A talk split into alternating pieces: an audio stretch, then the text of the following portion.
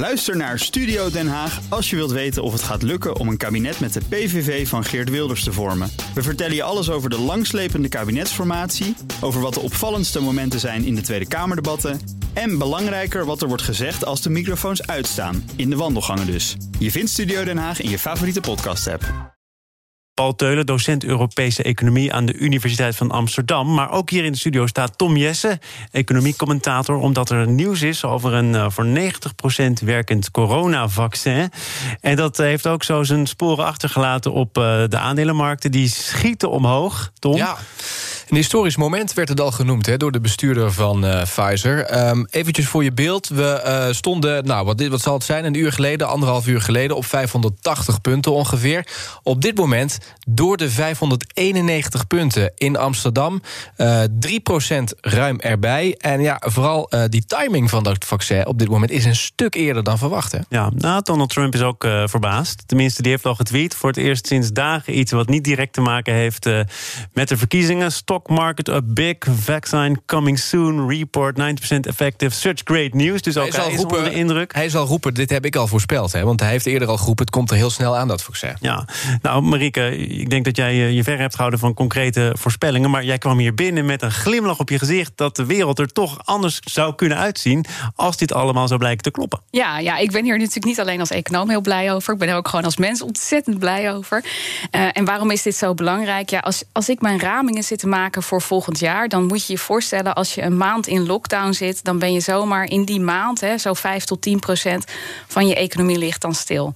Als ik die ramingen zit te maken, dan is alles daarvan afhankelijk. Alle andere dingen verbleken daarbij gewoon. het heeft zo'n grote economische impact wat dat virus doet en wat voor maatregelen we daarbij moeten treffen. Dat dit voor mij, ja, dit betekent gewoon, uh, ze geven aan 1,3 miljard doses beschikbaar te hebben in 2021. He, dus dat, dat zijn zulke aantallen. Daar kun je zoveel mensen mee vaccineren. En zij zijn de, e, zeg maar één van de partijen, er zijn er nog vijf of zes, die, uh, die ook bezig zijn.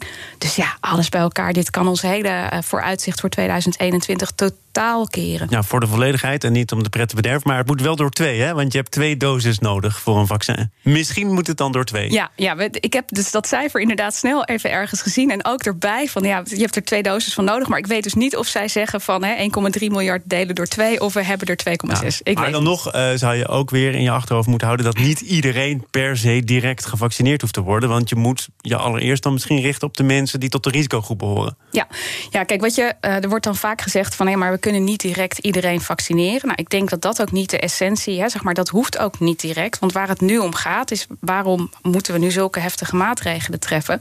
Omdat we zien dat de zorgsector dit niet aan kan. En die zorgsector kan het vooral niet aan, omdat er veel mensen zijn, oudere mensen zijn, die gebruik moeten maken van die zorg, hè, van die uh, IC-units.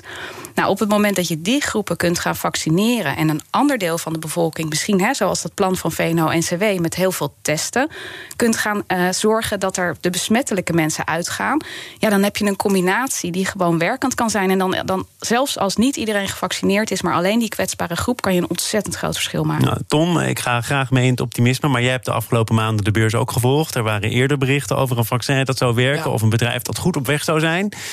Moeten we nu alle voorbehouden overboord gooien en hier vol voor gaan? Of is er ergens nog een mogelijkheid dat het toch niet zo effectief blijkt te zijn... of toch niet op zulke grote schaal gemaakt kan worden? Nou ja, kijk, het, het, het, uh, uh, met beleggers is het altijd zo. Nu is er goed nieuws en dan zie je meteen het effect... en staan we te juichen en gaat het enorm de lucht in. Maar ja, stel dat morgen weer het bericht komt dat iemand ziek is geworden... en die berichten hebben we inderdaad ook hebben gezien. Hè? Iemand is ziek geworden door dat testprogramma, toen werd alles stilgelegd. Dan kan het ook weer zo zijn dat die beurs ineens enorm naar beneden uh, valt. Dus dat vraagt me maar ook wel af in hoeverre krijgen we nu een stortvloed aan positief nieuws? Want je zei al, anderen zijn er ook mee bezig. AstraZeneca bijvoorbeeld zal ook meekijken. En die zullen misschien zo meteen ook wel denken van... wanneer kunnen wij een positief bericht de wereld insturen... wat iets zegt over ons vaccin? Ja, nou, natuurlijk. En dat, dat weten we ook, hè, dat die bezig zijn... en dat die daar op enig moment, als het moment daar rijp voor is... zullen aankondigen. Maar wat is de waarde daarvan, als iedereen hebben, maar met goed nieuws komt? Nou, dit, zij kondigen niet alleen aan dat het effectief is... maar ook dat er nagenoeg geen bijwerkingen gemeld zijn. En, en dat is natuurlijk de de winnende combinatie. Hè. Je moet niet alleen effectief zijn, het mag ook geen bijwerkingen veroorzaken.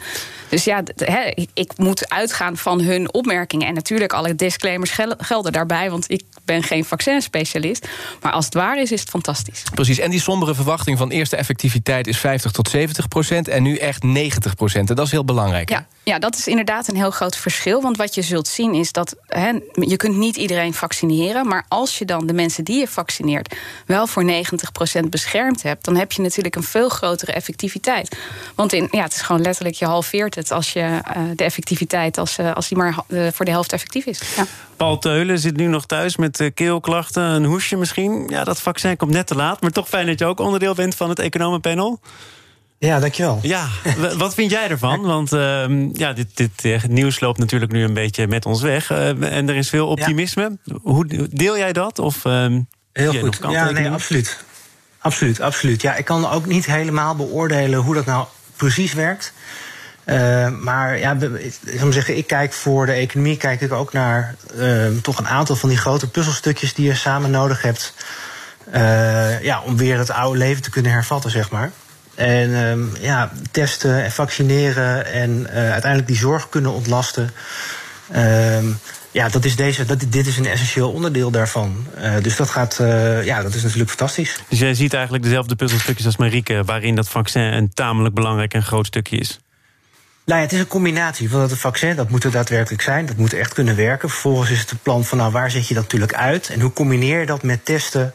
Uh, sowieso hebben we natuurlijk de komende maanden nog steeds uh, dat we in die dans met dat virus bezig zijn. Uh, ja, om het nu niet uit de hand te laten lopen, totdat het zover is. Um, dus maar voor 2021 ziet dat er goed uit. Dan laten we het hierbij wat betreft uh, dat coronavaccin... dat voor 90% effectief zou zijn... en waar je meer over hoorde via Tom Jessen. Tom Jessen zou het liefst blijven zitten, dat nou mag nog wel even hoor. 1 punt futures in Amerika. Ook, uh, we zien het natuurlijk in Amerika. Uh, later vandaag gaan de beurzen in Amerika over. Ook de S&P bijvoorbeeld 3,5% al in de plus, in de futures. Kijk, het schiet dus behoorlijk op, wereldwijd. Tom Jessen, dank. En nu we toch in Amerika zijn via de futures... Paul, jij mag dan wel docent Europese economie zijn... maar ik neem aan dat je ook een bewogen verkiezingsweek achter de rug hebt. Zelf dat je het goed gevolgd hebt. Er lijkt nu toch echt een, eh, een, winnaar te zijn. Uh, iemand die een andere economie voorstaat dan Donald Trump. Hoewel, is dat eigenlijk wel zo, Paul? Nou, ik denk het eerst het besef is dat je iemand hebt die nu, uh, ja, naar het zich laat aanzien, toch uh, de regering aan het overnemen is. Die uh, doorheeft dat uh, zeggen, economie en het coronavirus dat dat niet van elkaar te splitsen is. Dus die de regie neemt, voor zover dat kan. Federaal. Het nog maar, nou, dat, dat wil helemaal niet zeggen dat het echt lukt om dat uh, coronavirus uh, te pakken en via die weg de economie weer te openen. Of echt te openen eigenlijk. Je ziet er dat. Um, nou ja, doet, hij pakt eigenlijk alleen maar dat federale niveau. maar dat de wetenschap weer op de voorgrond staat en weer leidend is. Dat wat federaal kan, ook federaal gebeurt. Betekent gewoon dat Amerika hier grip op gaat krijgen. Of in ieder geval eraan kan doen wat, ze, wat eraan te doen is.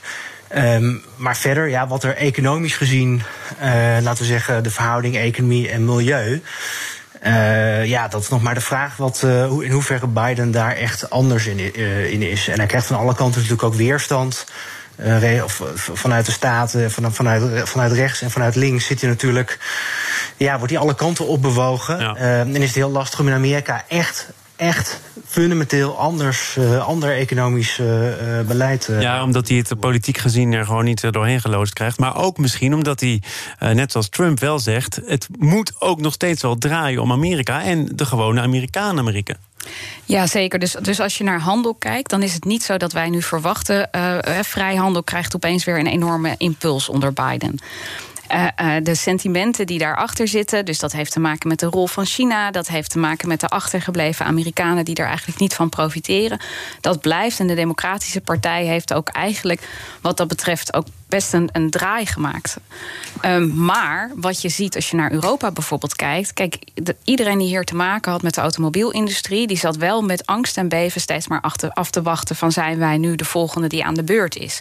Nou, dat hoef je denk ik niet meer te verwachten. Dus het is niet zo dat je nu nog een tandje erbij krijgt met dat handelsbeleid. Ons gevoel was dat als Trump eventueel uh, zou winnen, maar, maar een hele beperkte of geen meerderheid zou hebben in Huis en Senaat, dat, dat handel een van de weinige dingen was waar hij zich nog nog wel mee zou kunnen bemoeien. En dat hij dan juist daarop heel hard uh, zou gaan slaan. Dus ik denk dat het daar toch echt wel een verschil maakt. Al is het geen uh, ja, totale U-turn. Kan Trump nog slaan in de elf weken, als ik goed geteld heb, die hem nu als president, als het allemaal volgens normale procedures zou lopen, resten? Kan hij nog eh, zijn erfenis duidelijker maken dan hij al is geweest de afgelopen vier jaar? Dat vind ik een goede vraag. daarvoor ken ik dan weer eigenlijk niet zijn, zijn ruimte goed genoeg. Maar ik zou me kunnen voorstellen dat als hij dat zou doen, dat het dan ook weer tamelijk snel teruggedraaid is. Hè? Dus als je een tarief ergens op zou zetten, ja, dat dat dan ook weer heel snel te veranderen is daarna. Dus dan is de impact natuurlijk ook. Nou, ik dacht, maar dat speelt ook niet alleen maar vandaag. Maar er is ook weer nieuws over uh, die al heel lang lopende kwestie over staatssteun aan die grote uh, vliegtuigbouwers. Waar de Europese Unie dan vandaag weer een, een stap in heeft genomen. Dat blijft gewoon dooretteren, wie er ook zit, of niet? Ja, maar ik, ik denk, hè, wat ik daarnet ook al zei, van het is dus niet zo dat hiermee opeens uh, uh, al dat soort kwesties verdwenen is. Hè. Dus dat is, dat is denk ik niet het uitgangspunt wat je hier moet verwachten. Het is wel een uitgangspunt dat je Biden gaat duidelijk meer voor internationale samenwerking. En we hadden het net ook heel kort eventjes over duurzaamheid. Nou, er is een aantal problemen wat je alleen met internationale samenwerking kunt oplossen. En duurzaamheid is daar een hele belangrijke van. Want dat houdt zich namelijk, CO2-uitstoot houdt zich niet aan grenzen.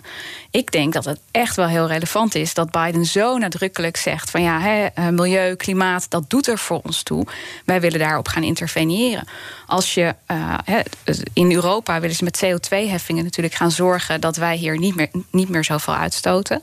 Op het moment dat de Verenigde Staten in dat soort maatregelen meegaan, betekent het natuurlijk dat het, dat het speelveld veel gelijker wordt voor Europese bedrijven. Dus ik denk dat dat wel degelijk impactvol is. Maar nogmaals, het is niet hetzelfde als uh, een totale swing. Een andere vraag die op tafel blijft liggen, dat is eh, de vraag hoe omvangrijk het steunpakket wordt. Waar Republikeinen en Democraten al maanden over aan het steggelen zijn. Want het eerste steunpakket dat is al een tijdje verlopen. Maar over hoe het tweede steunpakket eruit zou moeten zien, is geen overeenstemming. Paul, eh, gaat die overeenstemming er komen? Of eh, speelt hier ook weer dat die politieke verhoudingen erg lastig zijn om korte klappen voor elkaar te krijgen? Het is erg lastig. Uh, sowieso uh, zijn die verkiezingen en al die rechtszaken, et cetera, dat neemt nog wel best wel wat van, het, ja, van de aandacht eigenlijk ontneemt dat. Ehm, wat, wat zo is dat bij die steunpakketten moet je sowieso kijken naar ehm, ja, wat een beetje de agenda is. En volgens mij is het meest gunstige scenario. Um, is dat er pas ergens in september, misschien wel eind september, of uh, december, ergens misschien wel eind december, uh, dan pas bij wijze van spreken geld gestort wordt op je bankrekening. Uh, omdat het nog door, het moet door het huis en door de Senaat en moet de president het, het goedkeuren. Maar dat nou, komt dan op de bankrekening van individuele Amerikanen, of niet? Nou ja, voordat je het echt merkt, hè, want je kan relatief makkelijk, uh, dat is relatief makkelijk, relatief makkelijke transactie. Maar ja, procedureel en administratief, zeker in deze transitiefase. En je ziet nu al dat, uh, dat de, dat de Trump-regering uh, eigenlijk een, een, hele hoop al probeert een beetje te dwarsbomen. Hè, Biden in de weg zit. En, dus daar, dat is vrij lastig. En in het meest gunstige scenario komen we pas eigenlijk ver in december weer met, uh, ja, met, nieuwe, met nieuw herstelgeld dat er gewoon binnenkomt. Um, en dus hoeveel herstelgeld zou dat moeten zijn? Uh, ik spreek hier elke dag met uh, Kees de Kort en die laat niet na om dan te zeggen hoe ontzettend veel ja. miljarden, 3000 miljard, ja. kan er ook 1000 miljard naast zitten, er al in die Amerikaanse ja, economie gepompt is. En dat je dan maar moet afvragen wat er de effecten van zijn. En of, of dat nog een beetje met elkaar in verhouding is. Heeft u daar gelijk in of niet? Ja, nou ja, die, die, die, het, is, ik bedoel, het gaat over duizenden miljarden. Maar ja, het wonen wel meer eh, dan 300 miljoen Amerikanen. Uh, dus uiteindelijk is dat per Amerikaan valt eigenlijk best wel, best wel weer mee. Um, en heb je, ja, als je kijkt hoe lang we al met, dat corona, uh, met die corona-ellende zitten en hoeveel economische schade daar is. Als je het omslaat naar uh, of als je dat, dat zo vergelijkt, dan, uh, ja, dan, dan valt het eigenlijk best wel mee. Marieke, vind jij het ook? Valt het mee? Als je het op de Amerikanen, als je die, die rekensom zou maken? Ja, nou, zij hebben in het begin hebben zij wel echt heel vergaand de portemonnee getrokken. En ze hebben natuurlijk ook een totaal ander model dan in Europa. Hè. Dus in, in de Verenigde Staten is het, daar steunen ze de huishoudens. En de bedrijven zijn volledig vrij om mensen eruit te gooien. En je hebt daar gezien dat de werkloosheid is opgelopen met 20 miljoen mensen. En die is nu weer uh, terug naar 10 miljoen mensen extra of minder die werken. Hè. Daar komt het eigenlijk op neer. Dus um, uh, zij hebben daar dan vooral gezegd: van nou ja, je mag dus makkelijk ontslagen worden, maar uh, dan ondersteunen we je wel. Nou, dat, dat zijn grote bedragen geweest. En zijn die altijd effectief geweest? Nee, niet altijd. Want heel veel daarvan is ook gewoon op de spaarrekening terechtgekomen. He, dus, dus, uh, Terwijl dat in de economie terug moet komen. Het geld had moeten blijven rollen. Ja, maar aan de andere kant, hè, als je kijkt naar de stand van hun economie. Dus, dus ja, normaal kijk je met groei- en krimppercentages. Maar dat is eigenlijk helemaal niet meer zo overzichtelijk tegenwoordig. Maar als je kijkt, zeg maar, de omvang van de economie ten opzichte van waar hij in het derde kwartaal van 2019 stond.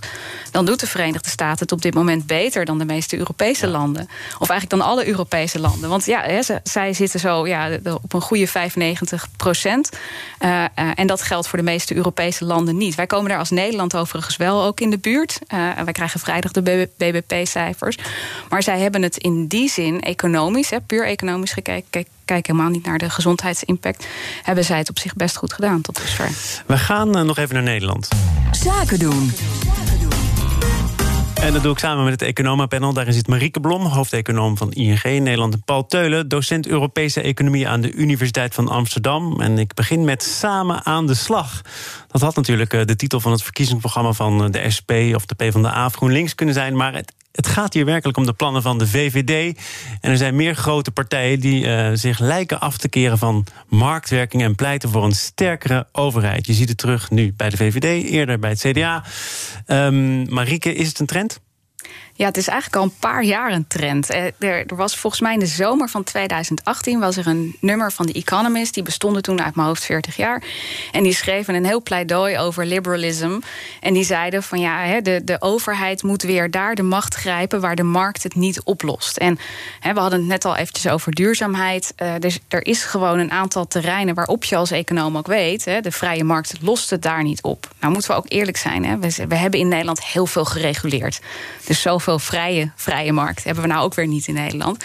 Maar je ziet dat het denken daarover aan het veranderen is. Dus dat hè, zeg maar een, eigenlijk een tijd lang heeft centraal gestaan wat gaat er allemaal mis bij de overheid. En dus moeten we die overheid maar zo klein mogelijk maken. Want ja, die verstoort dan misschien wat we eigenlijk graag willen doen. Dat is te duur en dat willen we allemaal niet. En je ziet nu eigenlijk al een aantal jaar dat een heleboel partijen... en juist ook de wat meer rechtse partijen zeggen van... nou ja, die overheid is misschien toch wel nodig op een aantal plekken... om die markt eh, een beetje in toom te houden. Ik, ik heb eh, de afgelopen jaren natuurlijk ook al wat eh, gesprekken mogen voeren... met zorgverzekeraars. En dan ging het ook over marktwerking.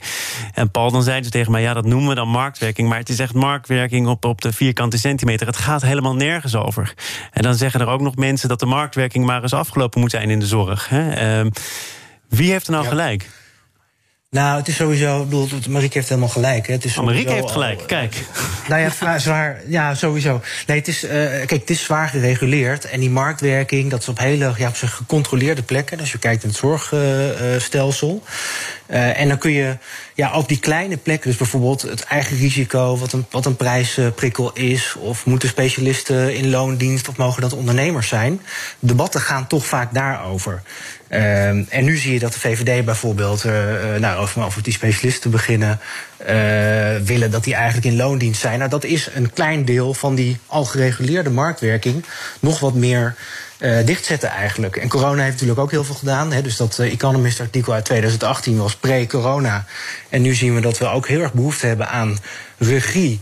Uh, bij zo'n enorme gezondheidscrisis. En misschien ook wel wat meer overheidsingrijpen bij het ontstaan van dat, soort, uh, van dat soort crisis. Dus wat dat betreft heeft dat de VVD, CDA, maar ook D66 bijvoorbeeld, echt richting die, ja, die overheidsregie uh, geduwd. Ik moest toen ik dit las over het programma van de VVD denken aan een stukje dat ik van de hand van Matthijs Bouwman in het FD. Een paar weken terug, denk ik. Ik ga daar een stuk uit voorlezen. Hoge effectieve belastingtarieven maken dat harder werken voor de lagere middeninkomens nauwelijks loont. Het toeslagencircus, dat is een janboel. De Belastingdienst functioneert slecht en ondernemers worden gestoord van de misplaatste regelzucht van de overheid. Er is eerder sprake van doorgeschoten overheidswerking. En toen zei hij ook nog dat uit de laatste cijfers van het CPB blijkt dat bijna de helft van al het geld dat in Nederland wordt uitgegeven via rekeningen van de overheid of andere sociale fondsen loopt. Dan ging het hem ook over het gebruik van het woordje doorgeschoten. Maar zit hier dan ook een kern van waarheid in, Marieke? Nou, ik, uh, wij hebben toevallig uh, op een gegeven moment gevraagd aan mensen: van als je nou economische groei erbij krijgt, hè, en dat levert, levert een euro extra op. Wat zou je dan met die extra euro willen doen? En uh, dan gaven we ze twee opties. Je mag het zeg maar zelf, hè, consumenten mogen het zelf uitgeven. Of via de overheid wordt het uitgegeven aan dingen die voor ons allemaal relevant zijn. Zoals de zorg en het onderwijs en, en noem maar op allemaal. Het is een onderzoek wat we vorig jaar hebben gedaan. En daar kwam uit, en eerlijk gezegd ook wel tot onze verrassing, dat mensen aangaven van nou de helft wil ik zelf uitgeven. En moeten consumenten, moet ik het eigenlijk goed zeggen, de helft mogen consumenten zelf uitgeven, maar de helft mag de overheid uitgeven. Het is groot vertrouwen eigenlijk. Van iedere extra overheid. euro. Nou, wat vinden mensen dan het belangrijkste? Die geven aan zorg, staat veruit op nummer 1, was pre-corona. Uh, onderwijs staat duidelijk op nummer 2. Milieu is ook een belangrijke doelstelling. Maar ook bijvoorbeeld veiligheid is een belangrijke doelstelling. Dus ik denk eerlijk gezegd dat de VVD wat dat betreft hier de tijd geeft heel goed aanvoelt. En, en dan snap ik met Matthijs van ja, dat die overheid nog verre van perfect is. He, bedoel, je, je kunt je natuurlijk, je kunt eigenlijk twee brillen opzetten als je naar de overheid kijkt. De ene bril is, ja, die overheid kan allerlei dingen regelen die voor ons allemaal goed zijn, zoals de zorg en het onderwijs. De andere bril die je kunt opzetten van ja, maar dat doet de overheid echt niet perfect. Nee, zeker niet. Net zo goed als de markt niet perfect is, is de overheid ook niet perfect. En daar zit denk ik de kanteling in het denken. Zet je de bril op met vooral wat is er goed aan, wat kan het voor ons bereiken, of zet je de bril op met wat is er allemaal mis aan en dus willen we er minder van, want we willen ook minder belasting betalen. Nou, ik, ik denk goed aangevoeld qua tijdsgeest. Paul, welke bril uh, zet jij op? Wat dat betreft? Nou, ik, zet eerst de, ik zet eerst de bril op dat je die, dat je die overheid op bepaalde kernthema's gewoon altijd nodig hebt. Uh, ja, maar dat, dat, is, dat is natuurlijk nu dus, sowieso al het geval, toch? Ik bedoel, de overheid is, is allemaal aanwezig. Precies, maar dat is Absoluut, maar ook echt nodig bij uh, de grote gedeelde goederen die we met z'n allen, waar we met z'n allen uh, plezier van hebben en die nodig zijn. En de zorg hoort er ook bij. Uh, dus ik, ik begin altijd vanuit de positieve, positieve bril. En dan kijk ik bijvoorbeeld als je nou, nou Barman heeft het over het toeslagenstelsel. Uh, ja, natuurlijk kan dat, kan dat veel beter. Maar voor een groot deel is natuurlijk ook wat wij aan de overheid vragen om te doen. En van allerlei, van links tot rechts, hebben we vragen van de Belastingdienst. Uh, om ze heel precies met al die toeslagen uh, te werken. En daar zie je nu ook een kentering. Dat we ook zeggen van nou, we willen ook die overheid wat dat betreft niet overvragen. We willen dat versimpelen. De overheid kan niet alles, maar wij, maken, overladen die overheid eigenlijk ook over vragen die uh, bijvoorbeeld in de sociale zekerheid. Dus ik denk dat, dat, dat die kentering uh, dat het de goede kant op gaat. Dat we, dat, ja, dat we daar realistisch over zijn. Maar dan vervolgens wel niet terugschieten naar bij wijze van spreken meer markt. Markt en overheid, maar daar een betere overheid. Een versimpeling. Uh, ja, en het gewoon beter proberen te doen. Uh, er is uh, meer over te zeggen, maar het is ook nog geen uh, ehm, 19 maart. Hoewel we volgens mij over meerdere dagen stemmen deze keer. Dus we zullen elkaar daar ongetwijfeld nog over spreken. Paul Teulen, docent Europese Economie aan de Universiteit van Amsterdam. En Marieke Blom, hoofdeconoom bij ING Nederland. Dank dat jullie het economenpanel waren eh, vandaag. Dat begon met het hoopvolle nieuws over de ontwikkeling van een coronavaccin. dat effectief zou zijn voor 90 procent. Dat eh, was het voor vandaag. Morgen dan spreek ik Wouter Vos. Hij is directeur van vakantieparken-exploitant Europarks. Dat familiebedrijf wil de grootste en beste speler van Europa worden, maar heeft daarvoor wel het meerderheidsbelang uit handen moeten geven. En moet dan ook nog de coronacrisis het hoofd bieden. Dat allemaal morgen in BNR Zaken doen. Zometeen eerst Newsroom. Uh, veel plezier daarmee. Tot morgen. Ook Thomas van Zeil vind je in de BNR-app. Je kunt live naar mij luisteren in Zaken doen. De BNR-app met breaking news, het laatste zakelijke nieuws... en je vindt er alle BNR-podcasts. Bijvoorbeeld Het Nieuwe Geld. Download nu de gratis BNR-app en blijf scherp.